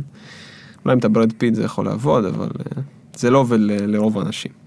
אז, אה, אז זה אותו דבר באינטרנט, כאילו רוב הפרסומות שאנחנו רואים זה, זה מה שנקרא הצעה ישירה שפונה לאנשים זרים, אנשים זרים שכאילו לא מכירים את, ה, את העסק שלי ולמה, ולמה כדאי לדבר איתי בכלל, אה, בלי לתת משהו לפני. אז שיווק באמצעות תוכן הוא כאילו בא לפתור את, ה, את הנקודה החסרה הזאת, את החוליה החסרה, של קודם תיתן משהו, תגרום לאנשים לאהוב אותך, לסמוך עליך. מה אני יכול לתת? אני עסק קטן, אני יש לי, אני חנות פרחים, מה אני יכול לתת? מה, אני אתן להם פרחים? אני לא לי יכול- כסף. כן, אני יכול לתת לך דוגמה למשהו שאני עשיתי לאחרונה. אה, אתה גם עושה את זה המון בבלוג שלך, אתה נותן כל מיני דברים, כל מיני מדריכים, כל מיני טיפים, אז אתה יודע מה לתת. אה, אבל אתה שואל אותי בתור איזה. אני שואל אותך כדי שתלמד את מי שלא כן, יודע. כן. אה, אז למשל אני אגיד לך דוגמה למשהו שאני עשיתי לפני כמה זמן. אני אה, עצמאי כידוע, אז אה, יש קטע כזה לעצמאים שגיליתי, לא על עצמי, כי אני מאוד מסודר אה, על פניו. אה, עושה אקסל של כל ההוצאות וכל ההכנסות שלי ואני יודע כמה מיסים בדיוק אני צריך לשלם בכל רגע נתון. טוב, אז אתה מאוד מסודר. כן, אז גיליתי שהמון עצמאים, כאילו אני מדבר איתם על זה, אתה יודע, וואי, אני אומר לו, וואי, כמה מיסים שילמתי, אה, אני לא יודע בכלל מה זה, לא יודע מה אני צריך לשלם בכלל. ויש לי אקסל, אז אמרתי, אולי אני פשוט אקח את האקסל הזה, ואני אסדר אותו כזה יפה, ואני אשחרר אותו לעולם. אני אתן אותו לאנשים שיורידו אותו. אה, ונראה לי גם שמתי אותו בקבוצה של אנשי העולם החדש. זה נכון, עוד- נכון, נכון, נכון, זה היה זה- שלאגר. זה היה שלאגר, אנשים אהבו אותו. זה היה עוד אה, כשהיה מותר אה, ככה לתת אה, זה. אה, דברים כאלה. אז אה, עשיתי את זה, ואנשים אהבו את זה מאוד, וזה כאילו נטו היה בשבילי דבר של לתת. אבל כמובן שאני גם ביקשתי מאנשים אה, מייל בשביל הדבר הזה. כדי לשלוח להם את הדבר הזה בצורה כזאת אה, מוקצת ויפה. אה, וגם כדי שיהיה לי קשר איתם, אוקיי? אולי הם ירצו ממני עוד משהו. אה, אבל באמת שהמטרה הייתה לתת את הדבר הזה. אז זה נגיד משהו כזה, כמו שאתה אומר, מי יכול להשתמש בזה? אז נגיד רואה חשבון יכול לבוא ולהגיד, הנה, אני אעזור איכשהו לעצמאים. כן. מה עושה רואה חשבון עכשיו שאין לו לקוחות? מה הוא יכול לעשות? אז אני חושב שהוא יכול לעשות דבר כזה, אנשים פשוט לא חושבים בצורה כזו, אנשים לא חושבים של, אוקיי, מה יש לי לתת לעצמאי שלא יודע מה זה. עכשיו, מה, מה הקטע מהאקסל הזה? אה, אני ציפיתי לקבל המון שבחים על האקסל הזה, ואנשים יגידו לי, וואי, תשמע, האקסל שלך שינה לי את החיים. אבל אה, רוב האנשים לא משתמשים בו, זאת אומרת, אחרי זה ניסיתי לעשות פולו-אפ לשאול אנשים, נו, אתה משתמש? הוא אומר, לא, אני צריך להזין פה דברים, ואין לי כוח להזין דברים לאקסל. כאילו זה, הבעיה של אנשים זה ההתנהגות, זה לא הכלי, זה לא שחסר להם כלי, זה ההתנהגות הזאת של לשבת רגע בבית, כן. ולהגיד, הנה, אני הוצאתי השבוע ככה וככה, והכנסתי ככה וככה. אה, אז בכל מקרה זה היה עוזר לרואה חשבון, כי אנשים לא היו מזינים את האקסל הזה, ואז הוא היה אומר להם, אוקיי, אם בא לך שאני אעשה לך סדר בעסק, בוא תפנה אליי.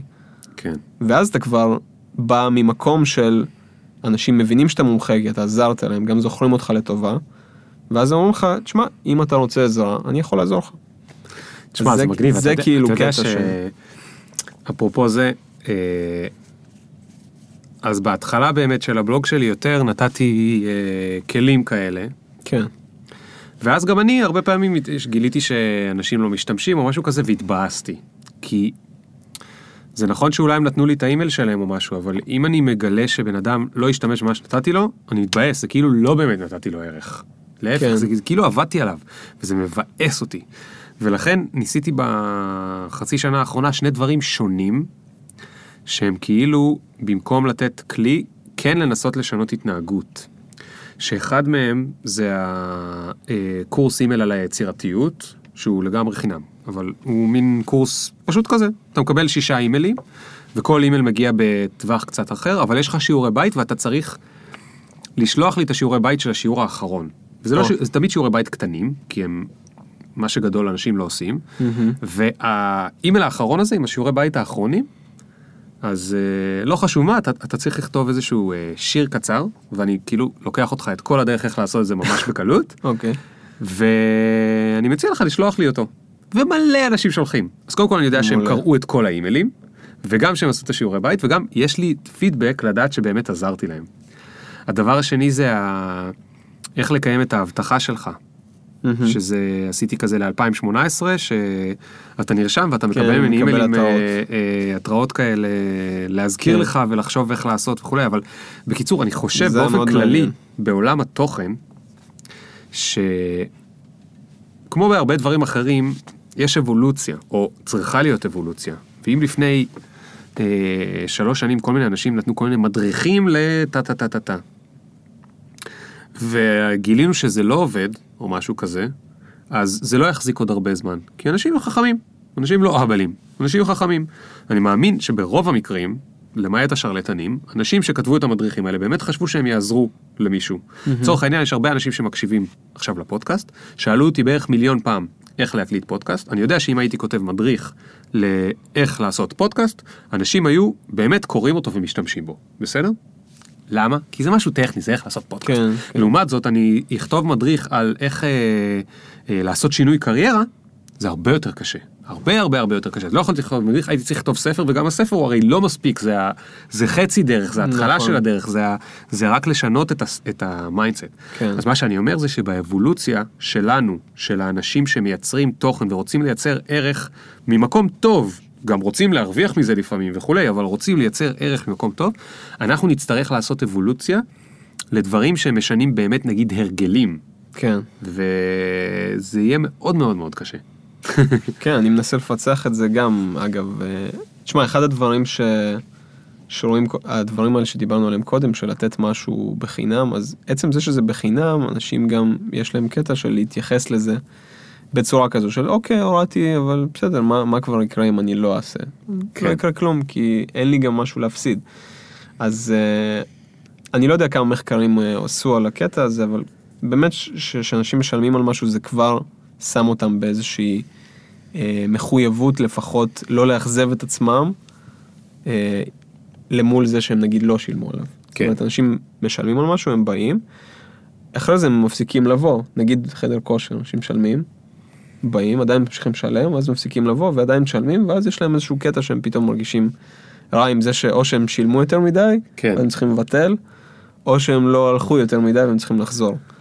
אבל אנשים משלמים יותר מדי לחדרי כושר, זה נראה לי תמיד אה, יוצא ככה שאנשים משלמים יותר. כן. אה, וגם אצלי, אגב, בקורס, אה, נגיד יש לי קורס וורדפרס שאני, שמלמד איך לבנות אתר מאפס.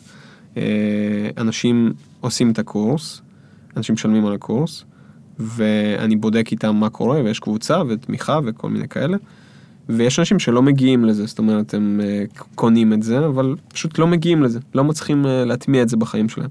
כן. אה, למרות שזה גם מאוד טכני והכל מפורט ו- ויש שיעורים וזה, אז אני גם מאוד מנסה לפצח איך אני משפיע על אנשים על הרגלים של להושיב אותם גם כן. ו- ולעשות את זה. כן. ואני חושב שכאילו אין מנוס מאיזושהי, כאילו אתה רוצה מאוד שזה יהיה אוטומטי הכל ו... ושזה דבר, וזה יקרה לבד ואתה כאילו פחות תצטרך לגעת בכל בן אדם כי זה, אתה מדבר כאילו על קהל שהוא גדול, אבל עדיין אני חושב שאין מנוס משיהיה איזשהו מגע אנושי, אה, כי אנשים צריכים פוש כל הזמן. כן. כאילו ככה אני מרגיש שאנשים כאילו לקחו איזושהי החלטה, בסדר, אבל עדיין הם צריכים פוש כי יש איזשהו, איזשהו גבול כזה שהם צריכים לעבור, ואז הם כאילו מתחילים להתגלגל. אבל אתה צריך להביא אותם לנקודה הזאת. זה וזה, מעניין. מע- וזה מעניין, וזה תמיד אה, קשה להביא אותם לנקודה הזאת.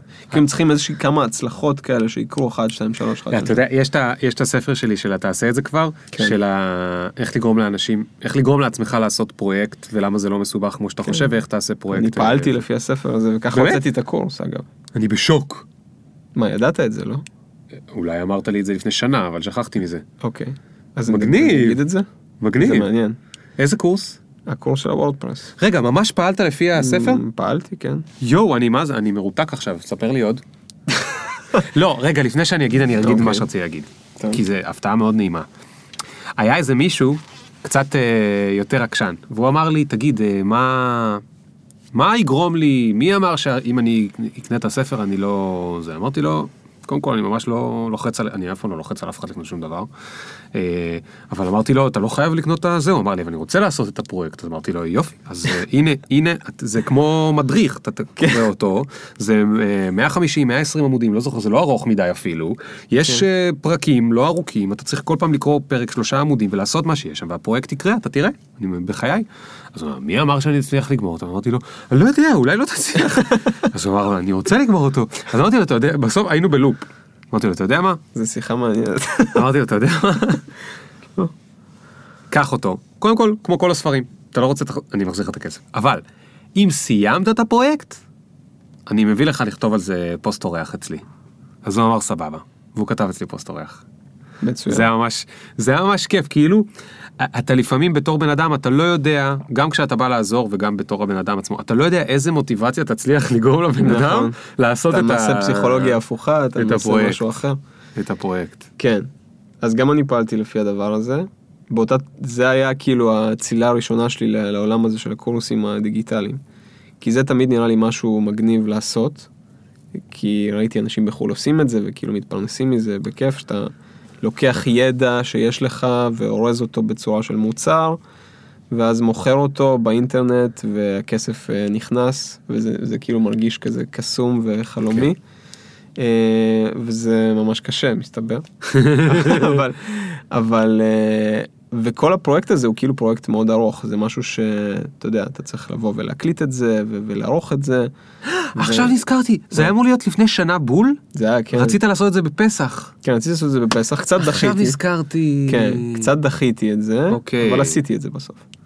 כן. זה מה שחשוב. נכון. כן. אז בפסח, אתה יודע, אתה מתחייב לכל מיני דברים, כי זה פסח ואתה, לא יודע.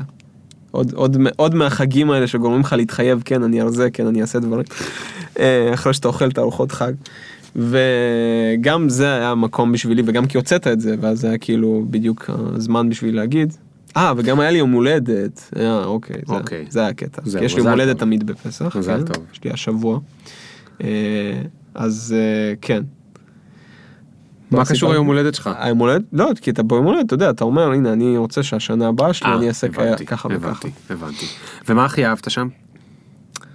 אה, הקטע של להתחייב בצורה פומבית, לדעתי. Mm. כן. אז עשית את זה? עשיתי את זה בקבוצה של אנשי העולם חדש, כן. וגם אה, כתבתי- שמה כתבת גם שאתה הולך להוציא את הקורס? כתבתי, כן, כתבתי, אבל וואי, לא רק, כמה כתבתי, זמן עבר? קודם כל כתבתי בלוג על זה, זאת אומרת, כתבתי פוסט על זה, מאמר, שאומר, אני הולך להוציא קורס, וזה מה שאני הולך לעשות. איזה אני הולך מלחיץ. לעשות א', ב', ג', אני הולך לחקור את הקהל, אני הולך אה, לשווק ככה וככה. ו... וכשאתה מוציא פוסט כזה ואנשים כאילו קוראים אותו, מלא אנשים קראו אותו, כמה אלפי אנשים, אז זה כאילו מכניס אותך כבר למצב שאין חזור, כאילו אתה, כן. אתה אומר הנה, הנה זה קורה כבר. אני חייב כבר- לעשות את זה או להיעלם מהעולם הזה. כן, כי אז אנשים יגידו, אתה לא, רק- אתה לא רק אה, מאכזב את עצמך, אתה גם תאכזב אולי עוד אנשים שאמרו, הנה הוא אמר והוא לא קיים. כן. אז זה משהו מאוד חזק שאני ממליץ לכולם באמת אם אתם מקשיבים אם בא לכם להתחיל משהו להתחייב אה, זה הדבר הכי חזק שלקחתי לדעתי. להתחייב אה, בצורה פומבית מול אנשים עדיף בפייסבוק כמה שיותר פומבי שיכול כן. להיות.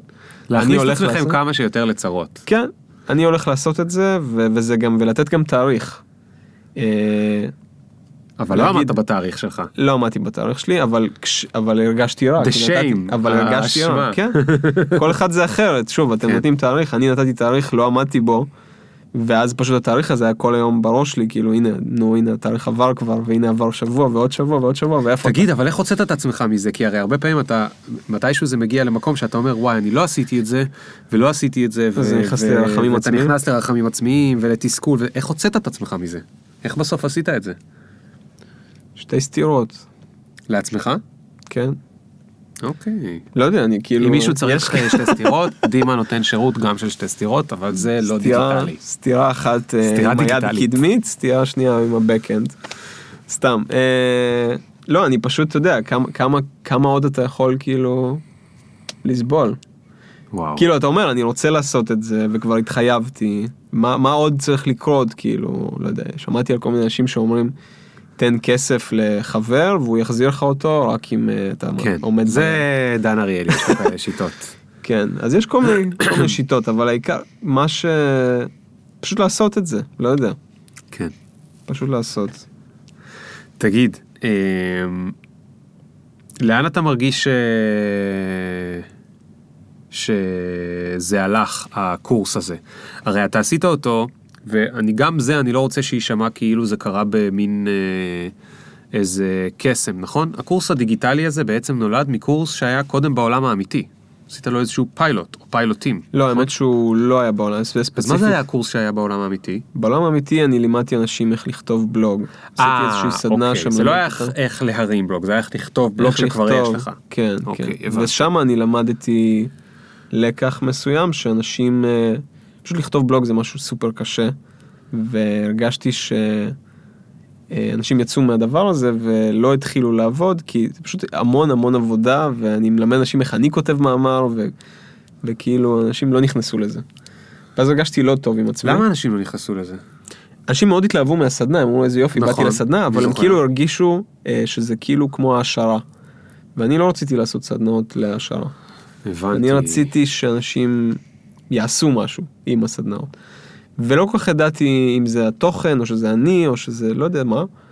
ואמרתי, טוב, אז הדבר הבא שאני אעשה הוא יהיה ממש טכני, דבר שדי קל לגרום למישהו להתחיל לעשות, שזה להרים אתר, לבנות לעצמך אתר מאפס בוורדפרס, וכל העולם כבר התפתח לכיוון שזה קל מאוד לעשות, גם אם אתה לא מפתח, גם אם אתה לא מתכנת. אה, כי אני עושה את זה לצורך העניין, לא, לא משתמש בשום ידע בתכנות, ו, וזה כיף. וזה גם כיף, כאילו אתה מרים משהו כזה מאפס ואתה רואה את זה חי. אה, אז, אז אנשים, אז אמרתי זה יהיה הקורס שעליו אני אעשה. מדהים, כן. מדהים. ואחריו אה, החלטת לעשות עוד אה, משהו חדש, נכון? כן. מה זה היה אחרי זה? אחרי זה יש גם תחום שנכנסתי אליו בשיווק שנקרא צ'טבוטים. צ'טבוט זה כמו רובוט כזה שחי בתוך עמודי פייסבוק, שבמקום שאתם תתכתבו עם אנשים, עמודי פייסבוק עסקיים, כן? במקום שאנשים, אה, שאתם תתכתבו עם כל מיני אנשים שפונים אליכם בעמוד העסקי, אז יש שם רובוט כזה שבא ועונה ואפשר לבנות ולתכנן אותו, לבנות לו איזשהו תסריט שיחה נחמד ו... ומעניין כזה, שהוא יבוא ו... ויתחיל לדבר עם האנשים, ובסוף גם אולי יוצאים עם איזושהי תוצאה עסקית שאתם רוצים, כמו אה, להשאיר מייל או להשאיר טלפון. אה, בסוף גם יהיה אפשר לדעתי לחייב אנשים דרך האשראי עם הדבר הזה. זה תחום שהוא שלם כאילו, שמתפתח כזה, נישה כזאת שמתפתחת. ואני למזלי צללתי לתוכה ממש אה, בהתחלה, שאף אחד עוד לא דיבר על זה או עשה עם זה משהו. ושכנעתי איזשהו לקוח גדול שהיה לי בזמנו אה, לעשות לו דבר כזה.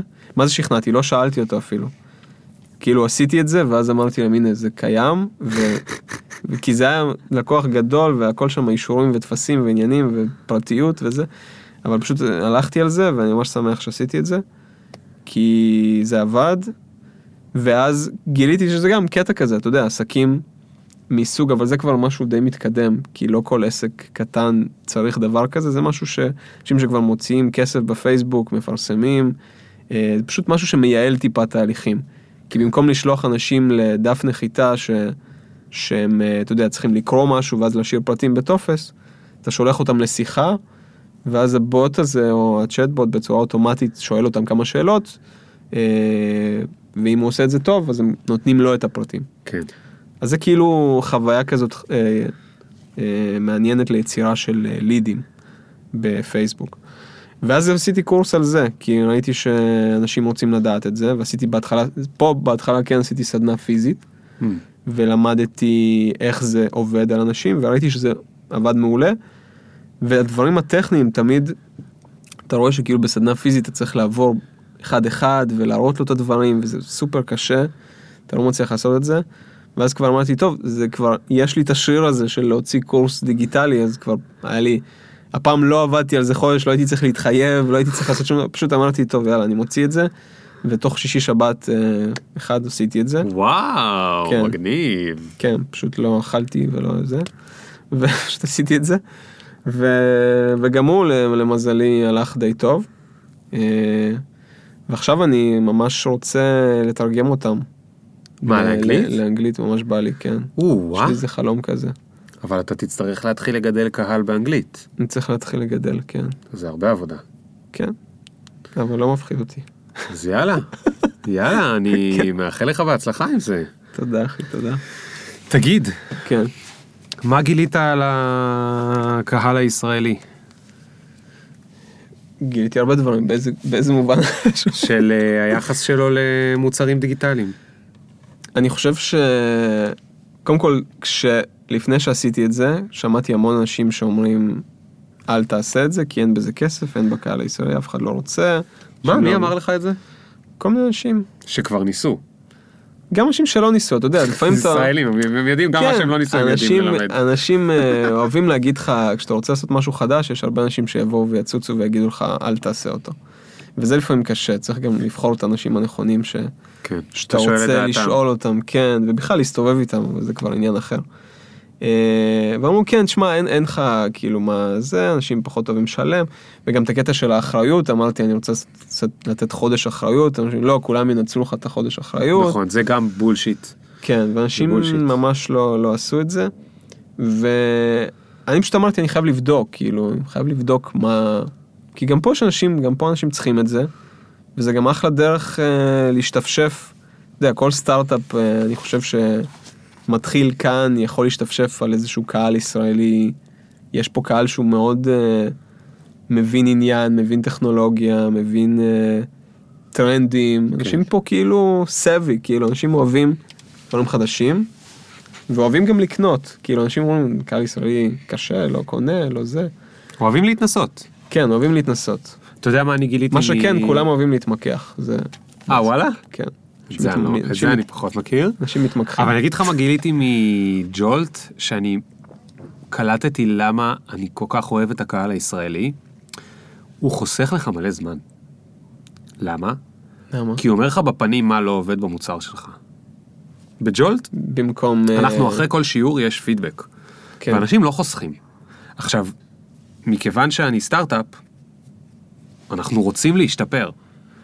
אז זה מצוין לקבל את הפידבק כן. הזה, ואנחנו משתפרים במהירות מטורפת, כאילו לפני שלושה חודשים פתחנו אז היינו ככה, אז היום אנחנו הרבה יותר טוב, ובעוד חצי שנה נהיה הרבה הרבה הרבה יותר טוב. עכשיו, אם היינו פותחים דבר ראשון באיזה מדינה עם אירופאים מנומסים, יכול להיות שחצי שנה בקושי היינו משתפרים, כי כולם היו כזה, "אה, זה היה בסדר, תודה. אה, כן. ישראלים כן. הם יורצים עליך, הם זה, מה זה החרא הזה, לא עבד לי, כן עבד לי, היה לי כן. טוב, לא היה לי טוב. גם במילים החמות הם אה, מאוד חמים כשהם מפרגנים, נכון, נכון. שזה גם אה, כיף. אבל כש- בתור סטארט-אפ או בכלל, כל מי שעושה מוצר, בטח בעולם הדיגיטלי ויכול להתקדם מהר, הפידבק הזה זה חמצן. ועוד פעם, זה עוד דוגמה למין כזה ווין ווין, ששני הצדדים מרוויחים. כן. אה, זה גם אגב טוב אה, באופן כללי, אתה יודע, להוציא משהו שהוא לא לגמרי מושלם כדי לקבל עליו פידבק, שזה גם משהו שעשיתי עם הקורס, זאת אומרת, אה, מאוד, אני מאוד פרפקציוניסט באופן כללי בכל הדברים שאני עושה, וזה מאוד קשה לשחרר, אני בטוח גם לך יש את הקטע הזה. כבר לא. לשחרר, כבר לא. אבל זה מעולה, אז כבר אה, עברת שם. השתחררתי מה... כן, לא השתח- לשחרר. כן, אז, אה, אז קשה מאוד להוציא משהו ראשון כזה, שאתה יודע שאנשים בונים עליו וסומכים עליו, ושהוא לא יהיה סופר יפה וסופר מושקע. אה, אז כן, צריך לדעת לעשות את זה.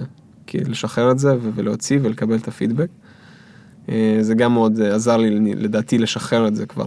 כאילו, אם שאלת קודם, אה, יש משהו שאני מאוד אוהב בשיווק אצל אנשים מהסוג שלך, אה,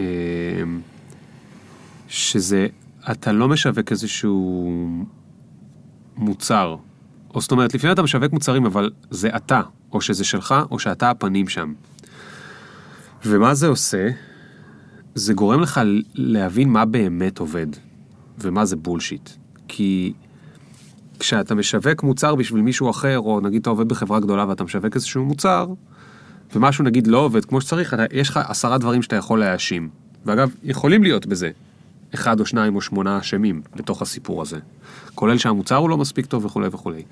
כשאתה משווק בעצמך את עצמך, או את הקורסים שלך, עם הפרצוף שלך על זה, או את הבלוג שלך, ולא משנה אם זה שיווק בכסף או לא בכסף וזה, אתה חייב באמת להבין מה, מה באמת עובד. אתה מבין למה אני מתכוון? לגמרי. כן. יופי, אז עכשיו תגיד לי, מה עובד ב-2018, או מה אתה חושב שכשהתחלת עבד ועכשיו כבר לא עובד? יש לך איזה משהו כזה? אה, זה יכול להיות לא גם תשובה פילוסופית, כאילו, לאו דווקא... אני לא חושב שיש משהו שלי עבד והיום כבר לא עובד. באופן כללי, אני יכול להגיד בשיווק תמיד שזה תמיד קורה, כאילו כל, כל תקופה יש איזשהו משהו שהוא כזה טרנדי, ואז אה, אנשים מתחילים לאנוס אותו, כל המשווקים, ואז הוא מפסיק להיות טרנדי כי זה כאילו נמאס.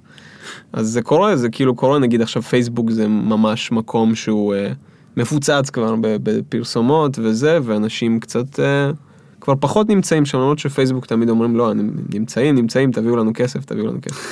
והמחירים עולים בגלל זה, כי גם לפייסבוק עצמם נגמר השטח פרסום, כאילו הם כבר מנסים, אתה יודע, להכניס את זה לקבוצות, להכניס את זה לתוך. למסנג'ר. למסנג'ר, להכניס את זה לתוך וידאו, לתוך שידורי לייב שפתאום יהיה לך פרסומות כמו בטלוויזיה. כן. אז אה, זה בעיה שלהם, כן. ומצד שני, האינסטגרם הוא פתאום נהיה כזה מקום שהוא פורח בתחום הזה, שיש לך את הסטוריז פתאום, גם הסטוריז זה פתאום נהיה שטח פרסום. ותמיד יש איזה משהו חדש, כאילו איזה ערוץ שאנשים מתחילים אה, להידלק עליו יותר, ושווה להיות שם יותר. כן. אז אני אומר באופן כללי שווה להסתכל עליהם, אבל יש גם דברים שלא, שלא מתחלפים אף פעם, ו, ולדעתי, כאילו מבחינת שתמיד עובדים. לדעתי אחד הדברים שתמיד עובדים זה, זה אותנטיות מסוימת, ושקיפות וכנות, ואולי כאילו כל הדברים האלה ביחד. אני חושב שלי מאוד עבד, אה, שאני מנסה להיות כמה שיותר אמיתי, אני לא מנסה לסלף שום דבר. גם כשאני כותב טקסט שהוא כאילו אמור למכור, ו- ותמיד יש שם איזשהו, איזושהי מניפולציה כזו, חייבת להיות כדי לגרום לאנשים לקרוא את זה, זה, זה קשה לעשות את זה, כשאתה רוצה להישאר אה, אותנטי, אה, אבל עדיין אני מנסה מאוד מאוד לא לפגוע ב... בכנות ובאותנטיות ולהגיד הנה תשמעו זה אני עשיתי את זה זה עבד בשבילי זה יכול לעבוד בשבילך גם בוא תנסה את זה כן. זאת אומרת בק- בקטע כזה ומה, תגיד, יש לך מושג מה העתיד? של מי הקרוב. של מי? השיווק הדיגיטלי. של, של השיווק הדיגיטלי. אה, אתה קורא עוד? אתה קורא בלוגים כאלה של כאילו אה, Trends in uh, Digital Marketing? דברים כאלה? אני קורא כי אתה אבל אני כבר קורא הרבה פחות אני מנסה ללמוד uh, מאנשים מלהסתכל עליהם פחות מלקרוא אותם שזה גם משהו ש... שכזה סיגלתי לעצמי. כי יש אנשים שכותבים מלא ואתה יודע וזה חדשות ואז אתה צורך את זה בצורה מסוימת ואתה אומר אוקיי זה זה זה, זה דבר אחד.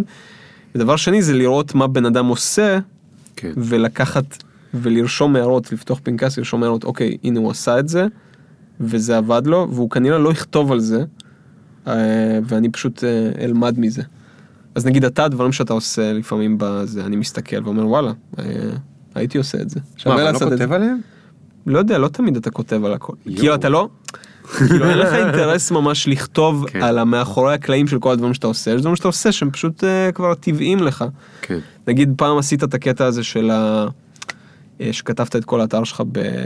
בגוף נקבה. גם. ביום האישה הקודם. ביום האישה. לפני כן. שנה. נכון. וגם את הספר אתה תרגמת, עשית לו גרסה של... אז זה נגיד משהו מבריק בעיניי. ואני לא חושב שאתה כתבת על זה, על מה ההשלכות של זה, ומה, למה זה טוב, למה זה לא טוב, אבל אני ראיתי את הפידבקים, ראיתי את התגובות, וזה נראה לי מדהים. אז גם עכשיו, לצורך העניין, כשאני עושה צ'טבוטים, אז בצ'טבוט נורא קל, אה, הצ'טבוט יכול לזהות אם הוא מדבר עם נכון. נקבה או זכר.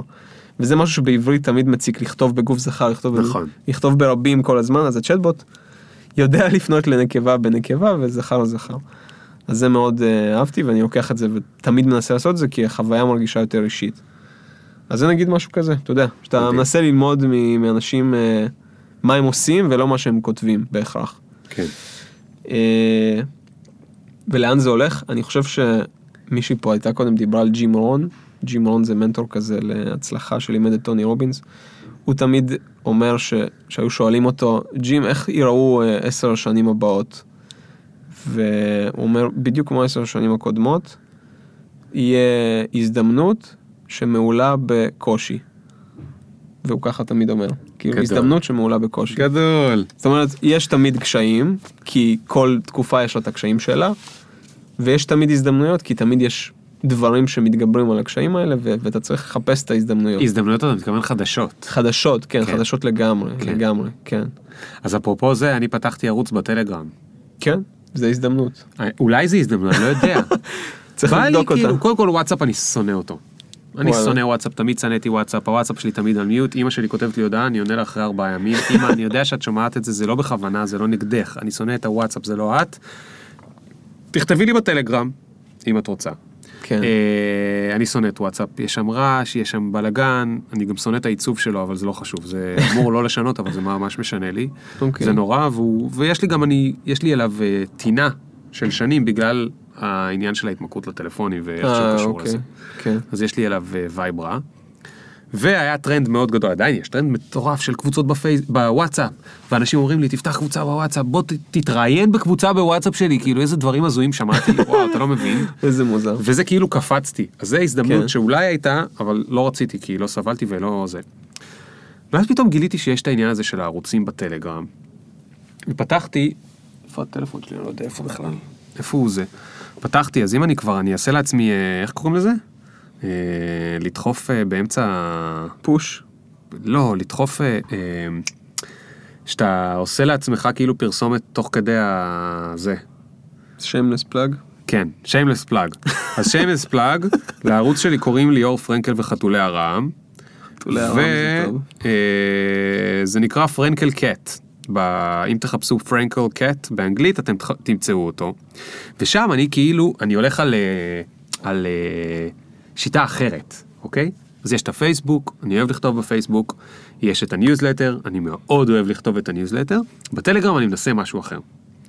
הטלגרם הולך להיות ערוץ בלי צנזורה. שם אוקיי. אני כותב מה שאני באמת, כאילו, מרגיש וחושב וזה, בלי צנזורה. הולך להיות גם אה, אם צריך אה, אנשים לא יאהבו, לא יאהבו, מי שיאהב יאהב. אה, אין לי מושג לאן זה הולך הדבר הזה. אין שום דרך כאילו לעשות, לא יודע מה קורה, מה זה הערוץ טלגרם הזה, אבל אני חייב לנסות, נכון? אני כן. חייב לנסות. כן. זה כמו עם הבוטים שאתה התנסית עם זה ופתאום הפכת להיות אה. אה, אלוף הארץ בבוטים או סגן אלוף, אני לא יודע מי האלוף אבל זה לא חשוב, אתה בעשירייה שהכי מבינים בבוטים בארץ, נכון? או בלעשות את זה. ככה יצא, כן. ככה יצא, אבל זה לא יצא ככה במקרה. אה, אז אני מתנסה עכשיו בטלגרם. אגב, גם סנאפצ'אט נגיד, ממש לא עניין אותי לנסות, אבל זה באמת כי חשבתי שאני לא מבין מה קורה שם. אוקיי.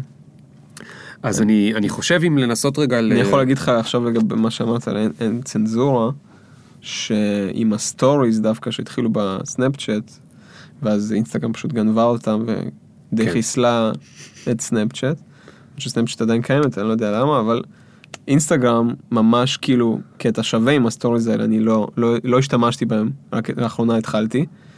וזה קטע, זה כאילו משהו, ש... משהו בזה שזה נעלם אחרי 24 שעות. כן, זה ה scarcity. זה גורם לאנשים לרצות לראות את זה. וזה שם נראה לי המקום הכי טוב לחשוף את הדברים הכי כאילו קרובים וכמו שאמרת בלי צנזורה. אה, אבל זה לאנשים שאוהבים לצלם את עצמם. כן. אם אני אתה אוהב לכתוב אז כאילו בדיוק, אני צריך משהו עם טקסט. צריך משהו עם טקסט בדיוק. אבל ראיתי אנשים שעושים סטוריז שהם טקסטואלים.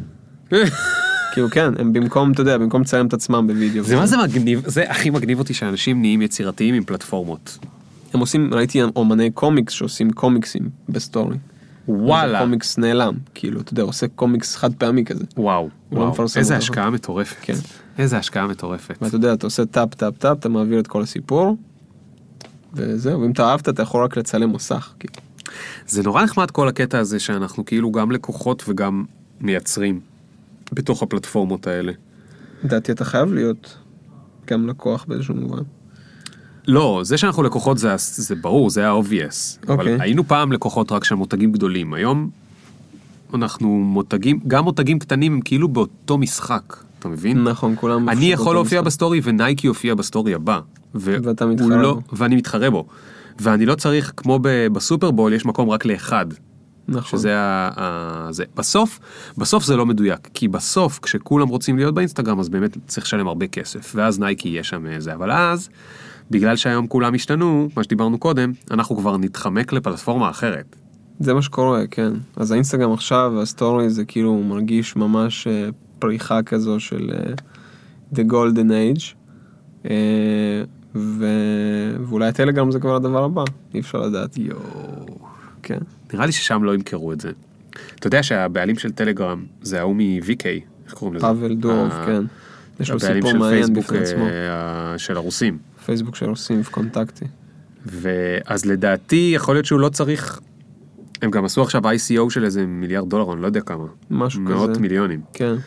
אז יכול להיות שהם לא יצטרכו לפרסם כי הם לא צריכים, לא צריכים להחזיר את הכסף. שמע, הקטע של הבן אדם הזה, שאני לא יודע אם אה, להאמין לו או לא, זה שהוא אומר שבאמת אין לו עניין בכסף מהדבר הזה, הוא נטו רוצה ערוץ שאנשים יוכלו לדבר בו בלי צנזורה ובלי השתלטות אה, עוינת של ממשלות ו- וכל מיני כאלה. והוא גם אומר שהם בחיים לא יעשו שם פרסומות, בחיים לא יקליטו, כמו שנגיד וואטסאפ עכשיו פייסבוק נתפסה על זה שהיא מקליטה שיחות נכון. ויש אה, סקנדל אה, גדול. אה, וכל הדברים האלה. למרות שאנשים כאילו תמיד אמרו הם מקליטים מקליטים פתאום באמת מתגלה שהם מקליטים. אה, והוא אומר לא אנחנו בחיים לא מקליטים זה יהיה נטו אה, זה ובגלל זה הוא גם עשה ICO כי זה קטע של לגייס כסף מ... מהציבור. מהציבור דרך מטבעות דיגיטליים. ושונאים אותו, הוא כאילו, אני די בטוח שהממשלה הרוסית רוצה להתנקש בבחור הזה, זה מעניין מה יהיה. אה, בגלל שהוא רוצה לעשות משהו שאי אפשר לי to control. בדיוק, כן. אז ברוסיה מנסים לחסום את האפליקציה הזאת, לא כזה הולך להם, רודפים. אחריו, הוא נגיד לא יכול לדרוך ברוסיה יותר, וואו, האדם הזה. וואו. הוא מסתתר אה, באיזה, לא יודע איפה, בתאילנד אולי, או ברלין. אל תחשוף, בן אדם. לא- לא רוצה שיבואו ויקחו לי את המיקרופון? לא, אבל זה סיפור מעניין, מי? שרוצה לקרוא על הבן אדם הזה, על הפאבל דורוב קוראים לו, סיפור מעניין יש לו. מאוד. מעניין. טוב, דימה, היה לי כן. מאוד מאוד כיף. גם לי היה ממש כיף. אה, יש לי עוד הרבה על מה לדבר איתך, אז אנחנו נדבר על זה בסיבוב הבא שלך, כי זה מה שנחמד, שאתה כל הזמן מחדש. כן, אז, אני אשתדל אה, לחדש עוד לסיבוב הבא. זהו, תחדש אבל עוד עוד, כדי שיהיה הרבה. על מה לדבר. לא חצי שעה. אלא שיהיה עוד שעה אפילו על מה לדבר. סבבה. אה, נסיים איתך בשלב השאלה הזהה, אוקיי? אוקיי. אתה במטוס ויש נחיתת חירום ונשארו לך שתי דקות עד לנחיתה וזה הסוף, לא תוכל להינצל. ומה בראש עוברת לך מחשבה, איזה באסה שלא הספקתי, לראות יותר את העולם. לראות יותר עולם, לטייל יותר. כאילו לטייל יותר? נראה לי כן. בשוק ממך דימה, למה? אנחנו צריכים לדבר על זה. למה? אתה fucking יש לך עסק דיגיטלי? נכון, ואתה אני לא בדיוק הולך לטייל אני בעולם? בדיוק חושב על איך, אה, לעשות את. הקטע הזה. שמע, זה חדש לי, אני לא... אני בן אדם די אה, מקורקע, אני אוהב את כן. הקטע שלי, אוהב שיש לי מקום קבוע לחזור אליו. כן, מצד שני, אה, אני באמת יכול לעבוד מכל מקום, בתכלס. נכון. אז צריך, אה, צריך להתחיל לזוז לכיוון הזה. טוב, אז אני מאחל לך שכשתטייל הרבה, המטוס שלך לא יעשה נחיתת חירום, כי אז לא יהיה לך מה להגיד, כי אתה כבר מטייל. כן, כן. יאללה חביבי, תודה רבה, המון תודה לך. ביי, ונשים לינק ליזמניק ובלה בלה בלה בלה. כן. ביי חברים, תודה. ביי ביי.